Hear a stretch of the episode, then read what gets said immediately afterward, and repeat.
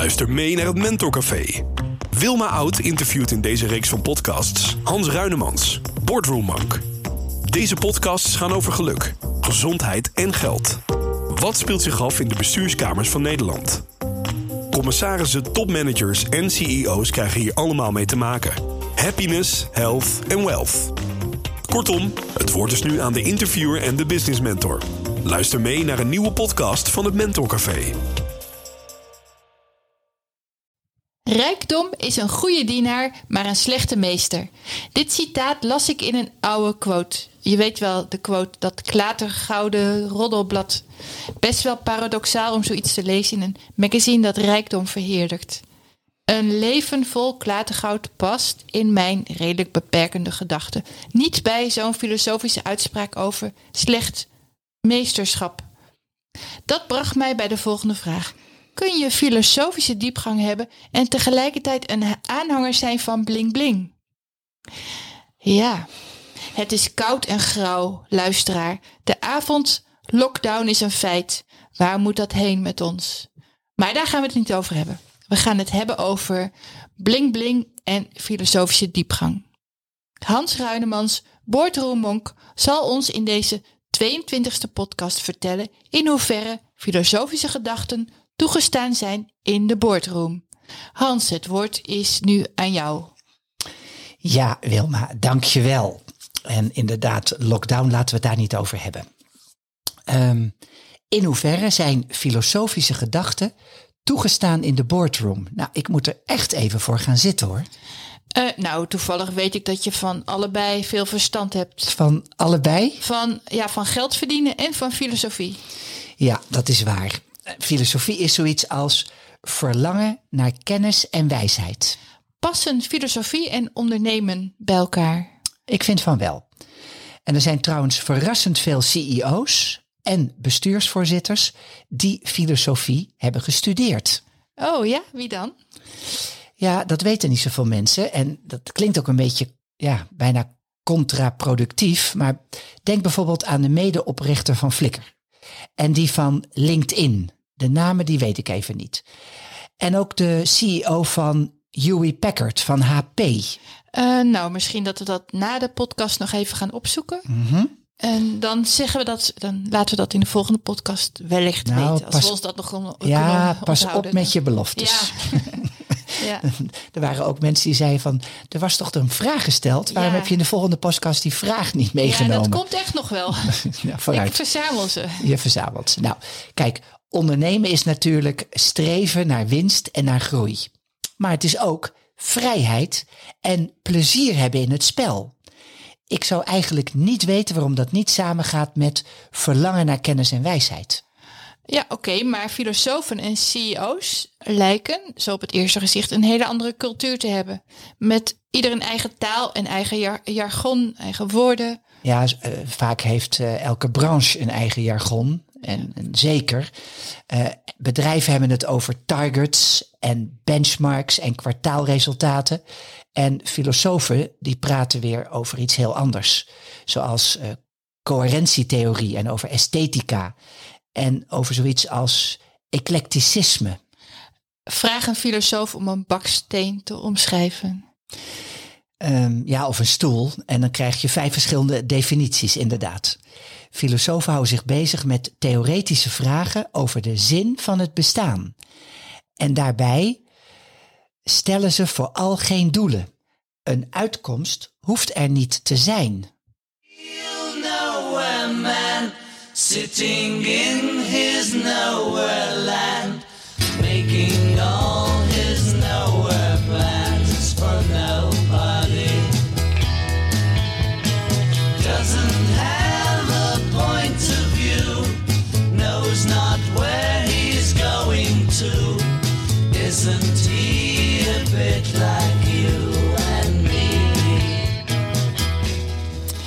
nummer is van de Beatles, dat weet iedereen wel. Het heet Nowhere Man.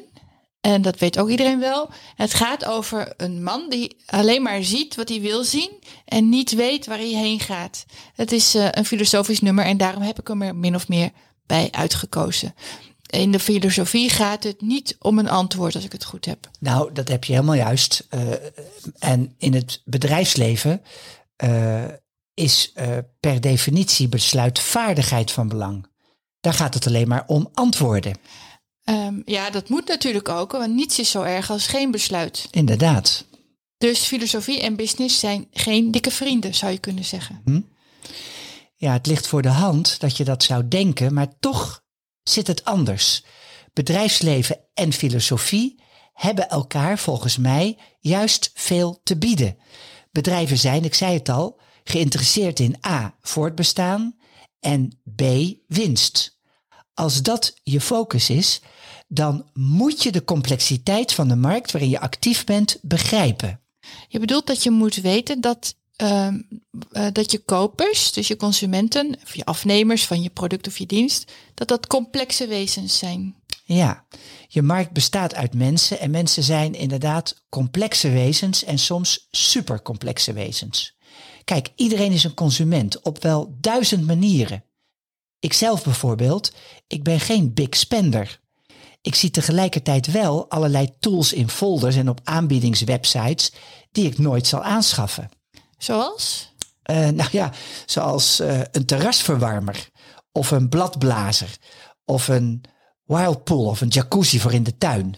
Weet je wat mij nou een echt een onzinnig product lijkt, wat ik nooit zou kopen? Nou, ik ben super benieuwd. Een stoomeend. Een stoomeend? Ja. Dat... Kan je dat opeten? Uh, nee, een stoomeend eend is een klein apparaatje. Ja. Uh, het is een stoomreinigertje. Heel klein en handzaam. Een beetje de vorm van een eend. Ja. Maar oké, okay, waarom is dat dan onzinnig? Uh, nou, het lijkt me zo onzinnig omdat het klein is. En het schijnt ook in een minuut leeg te zijn. En ik vind dat alles wat je met een hele kleine stoomreiniger kunt schoonmaken, dat kun je ook met een lapje doen met azijn, neem ik aan. Ja, want uh, azijn is wel een favoriet uh, nou, hulpmiddel kunt, voor, voor alle ja. uh, dingen in het huis en de keuken. Ja, ja je kunt het hele huis, ja. luisteraar, let op. het hele huis kun je schoonmaken met azijn. Vergeet nog, de rest. Nog even, het wordt een uitzending van de plattelandsvrouwen. ik ben een behoedzame koper, maar ik ben dus ook een digitale gadget freak. Alle digitale vernieuwingen wil ik testen, hebben dus. Ik vind het bijvoorbeeld leuk om mijn auto te poetsen met allerlei poetsmiddelen, maar ook met een grote en met een kleine excentrische polijstmachine. Nou, dan koop ik die. Ik hou ook van autorijden en ik heb kort geleden zelfs een dashcam aangeschaft. En jij?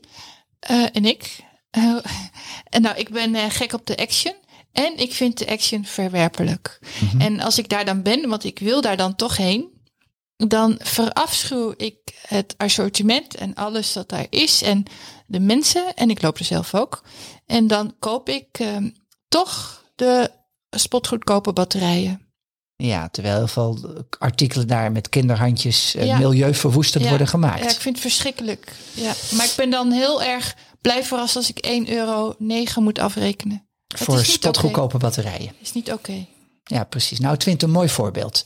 Want zo komen we bij de complexiteit van de consument. Filosofen en bedrijven willen allebei, ieder op een eigen manier, weten wat mensen tevreden maakt. Want je merkt het zelf al, de kopende mens zit vol tegenstrijdigheden. De meeste bedrijven, en nou heb ik het niet over een paar rattige uitzonderingen, maar de meeste bedrijven dus, willen dat hun klanten zich goed voelen na hun aankoop of nadat de dienst geleverd is. Het is zelfs zo dat hun bestaan op de lange termijn daarvan afhangt. En het maakt niet uit of ze nu haardrogers verkopen of ingeblikte soep of een softwarepakket of een inboedelverzekering. Of een elektrische auto om het milieu te ontzien. Dat hoor ik steeds vaker, ja, om er iets complex te noemen. Want het lijkt allemaal heel milieubewust en duurzaam. Maar economen zijn daar nog niet eenduidig over. Consumenten worden verscheurd door hun verschillende belangen. Het milieu in godsnaam bewaren en een fijne auto bezitten. Soep in een onhandig zwaar blik kopen of toch in een handige plastic verpakking. Kleding uit een derde wereldland of toch maar uit Italië. Ja, Viva la Gucci. Uh, een ander voorbeeld uh, wat ik vaak zelf gebruik is dat, dat je aan de ene kant lid bent van Greenpeace en van de andere kant van de ANWB. We hoeven geen medelijden te hebben met ons, maar de vooruitgang stelt ons voor lastige dilemma's.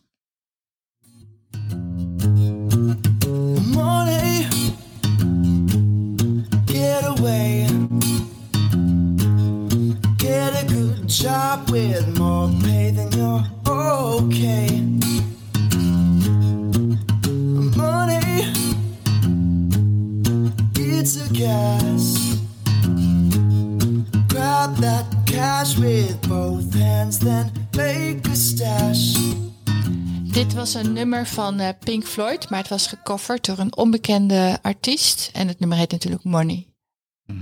Ehm, pas geleden hoorde ik iemand vertellen, een jubelverhaal. Eh, hij was met de vrachtboot van Rotterdam naar New York gevaren. Allemaal uit milieutechnische overwegingen. Het was een hele mooie reis. Ik vraag me dan af wat het dan zo mooi is, want je ziet alleen maar zee en water. Het was heel leuk om, dat zei hij wel, leuk om aan te komen op, eh, bij, bij Staten, oh, nee, niet bij Staten, bij het Vrijheidsbeeld, sorry. En eh, het was dus een mooie reis, maar het- hij was wel een week onderweg. Ja, ik zou het ook graag een keer doen, maar ik weet dan ook dat het maar bij één keer blijft. Wat wil de kopende mens? Soep in een zak vooralsnog, maar niet lang meer. Bedrijven zijn voor hun succes afhankelijk van de precisie waarmee ze de werkelijke behoeften van hun klanten weten vast te stellen. En nu komt de filosofie zijn deel opeisen. In de filosofie zoeken we naar een antwoord op de vraag wat een goed leven is en hoe je dat doet. Als je dat als bedrijf eh, eerder in het snotje hebt dan je concurrenten, dan bereik je die, eh, de winst en de voortgang. En dus de continu- continuïteit of de juiste zorg. Zeker. Traditioneel maken bedrijven om inzicht te krijgen in de psyche van hun klanten nog steeds meestal gebruik van marktonderzoek. En dat doen ze onder meer met zoiets als klankbordgroep. Ik had het er gisteren nog over met een paar mensen. Maar ook met interviews. En dan kijk ik jou nu even aan. Ja, interviews. Ik heb dat een tijdje gedaan voor een softwarebedrijf. En die interviews gebruikten we dan ook voor het personeelsblad en de website. Maar uiteindelijk was het klanttevredenheidsonderzoek. Mhm. Ja, bij Capgemini, waar ik een tijdje marketingmanager was, deden we het ook zo. Werkt dat? Deels wel, maar deels. En naarmate andere aspecten van het leven belangrijker worden, zal dat deel steeds kleiner zijn. Het komt nu nog veel te weinig voor dat bedrijven zich werkelijk verdiepen in de menselijke eigenaardigheden. Vanuit een cultureel perspectief van zo'n 2000 jaar geleden bedoel ik daarmee. Een ondernemer vraagt zich af hoe vergroot ik mijn winstmarge in mijn, nou laten we zeggen, fietsimportbedrijf. Een filosoof zou zich afvragen waar in de menselijke ziel is de behoefte om te fietsen geworteld. Prachtig, ja. Filosofie in de boardroom creëert verdieping. Nu is de boardroom voornamelijk nog het rijk der cijfers. Uiteindelijk moet ook de boardroom-filosoof de weg terugvinden naar de winstberekeningen. Maar strategie vanuit een filosofisch perspectief opent nieuwe marktkansen. Denk bijvoorbeeld aan de entrepreneurs met postkoetsen in het vroegere Amerika. Het ging steeds slechter, ze probeerden van alles. Andere wielen erop, vier in plaats van twee paarden voor de koets. Maar ze werden uit de markt gedrukt door de trein en de auto. Waarom? Omdat ze dachten vanuit het perspectief postkoetsen. In plaats vanuit het perspectief vervoer, om maar een voorbeeld te geven. Ja, interessant. Oké, stel dat ik een bedrijf heb dat fietsen importeert. Laten we zeggen vanuit Florida. Nou, eh, ik had het net over Amerika. Eh, Ja. Waarom vanuit Florida? Ehm, nou ja, Florida is nog steeds de vrolijke Sunshine State. Het refereert volgens mij als enige Amerikaanse staat nog aan de American Way of Life. Vrijheid, optimisme, openheid, tolerantie. Nou ja, ik zeg maar wat. Ja, ik denk dat eh, je ook kan zeggen van hoe lang nog. Hoe lang is dat nog? Ja. Oké, nou ik eh, importeer dus fietsen vanuit Florida en ik stel aan een boardroomfilosoof de vraag: hoe kan ik mijn winstmarge vergroten? En dan? Nou, de boardroomfilosoof zal jou dan de volgende wedervraag stellen. Wat is het diepere doel van je onderneming? Of waaruit bestaat de eudaimonische belofte richting haar klanten? Eh, wat is eudai- eudaimonisch? Eudaimonisch, dat is levensgeluk. Het geluk eh, of het gevoel van een gelukkiger leven leiden. Oké, dus aan welk element van levensgeluk refereren mijn Floridiaanse fietsen, mijn fiets uit Florida? Ja, want Floridiaans is ook weer, zou ik zeggen, wat is dat voor een woord? Nou, we grossieren in de moeilijke woorden. Ehm, je zei aan welk element van levensgeluk refereren mijn Mijn- Amerikaanse fietsen, hè? Uit Florida. Nou, eh, dat is een vraag die de boardroomfilosoof je zou stellen.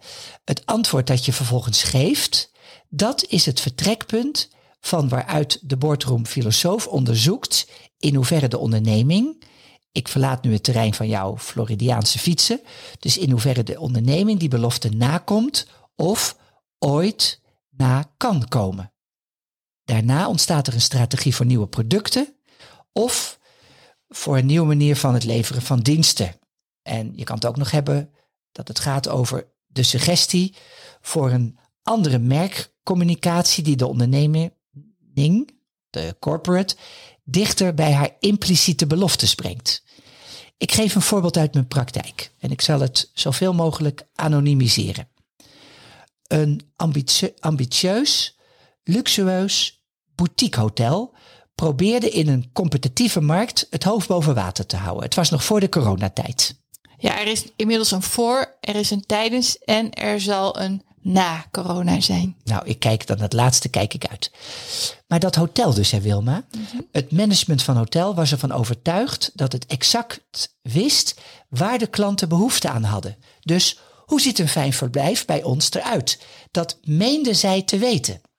Maar de definitie van een fijne nacht in een hotel wordt of werd soms veel te snel bepaald.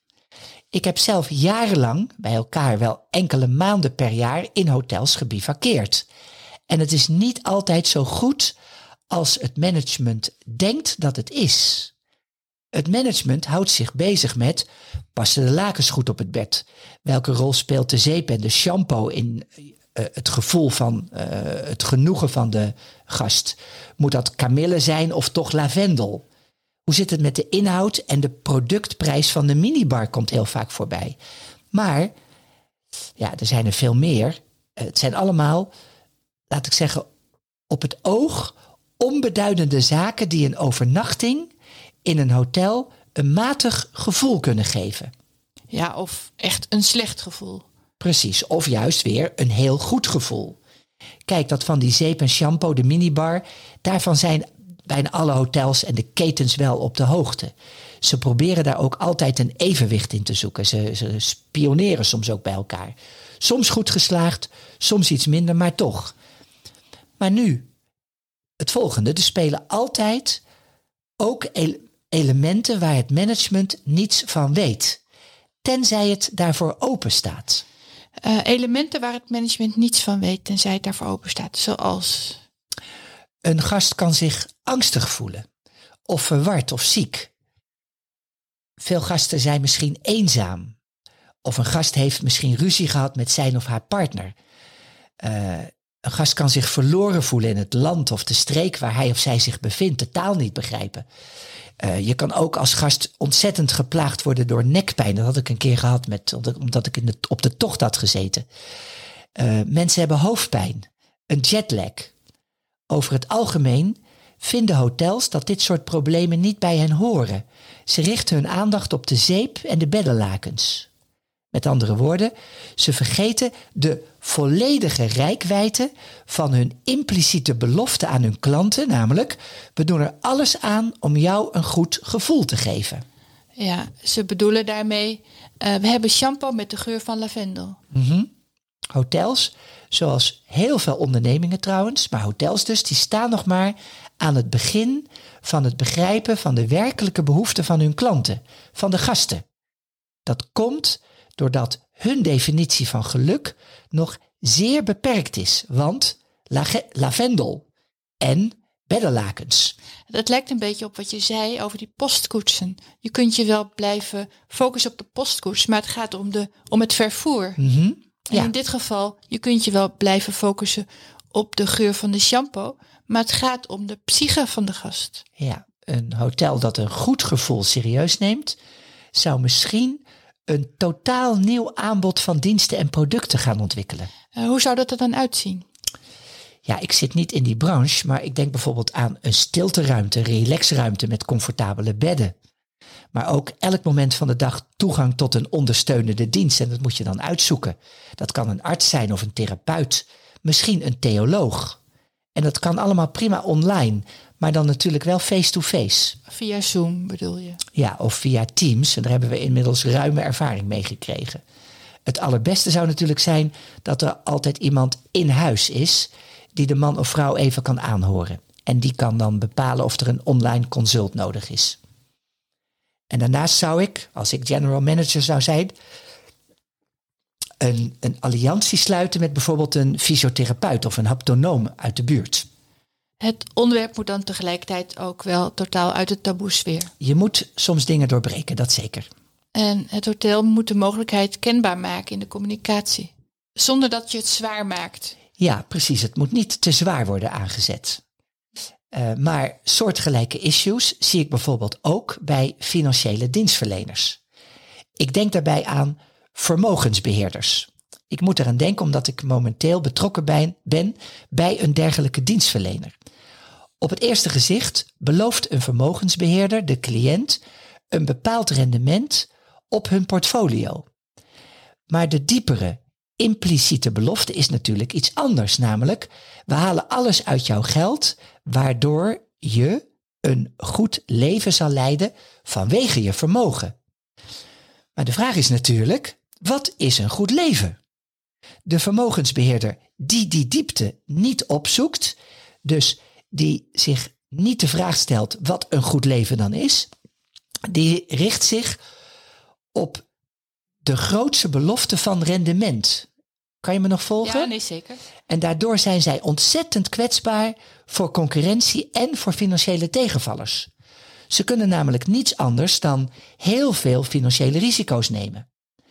Een vermogensbeheerder on, nou laat ik het noemen, filosofisch toezicht stellen, zou natuurlijk ook heel goed het geld bewaken en vermogensgroei garanderen. Maar zo'n man of vrouw zal zich ook bezighouden met de vraag hoe de cliënt nu echt kan floreren met zijn vermogen. Want rijkdom is een goede dienaar, maar een slechte meester. Was getekend de quote. Ja, een vermogensbeheerder onder filosofisch toezicht zou zich bezighouden met hoe verhouden de kinderen van hun klanten zich tot het vermogen? Hoe heeft de betrekkelijke rijkdom, want alles is betrekkelijk, hoe heeft dat de vriendschappen van de klant beïnvloed?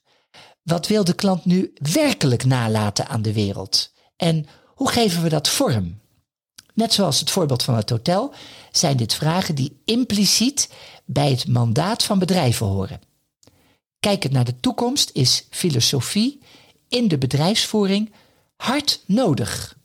Het helpt de board en het management om dieper na te denken over wat een ondernemer, nee niet ondernemer, wat een onderneming natuurlijk, hoort te doen.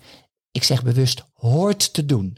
Om het leven van de klant te verbeteren. Waarom zeg je bewust hoort te doen? Nou, bedrijven hebben een verantwoordelijkheid. Met geld kun je goede dingen doen. Met geld moet je goede dingen doen. Oh, samenvattend, bedrijven moeten zo langzamerhand de deur open doen voor de filosofische gedachten. Klopt dat? Zeker, voor het filosofische gedachtegoed zou ik zeggen. Ik zei zojuist, met geld kun je goede dingen doen. Ik bedoelde eigenlijk, we zijn verplicht om goede dingen te doen met het geld dat we verdienen. Ik vind het een hele mooie afsluiting, Hans. Dank je wel daarvoor. Jou bedank ik ook, luisteraar. Fijn dat jij bij was. We hebben echt het gevoel dat we je kennen. Je kunt je trouwens abonneren op het Mentorcafé. Dan worden we beter gevonden op Google. Graag tot de volgende keer, luisteraar. Tot de volgende podcast.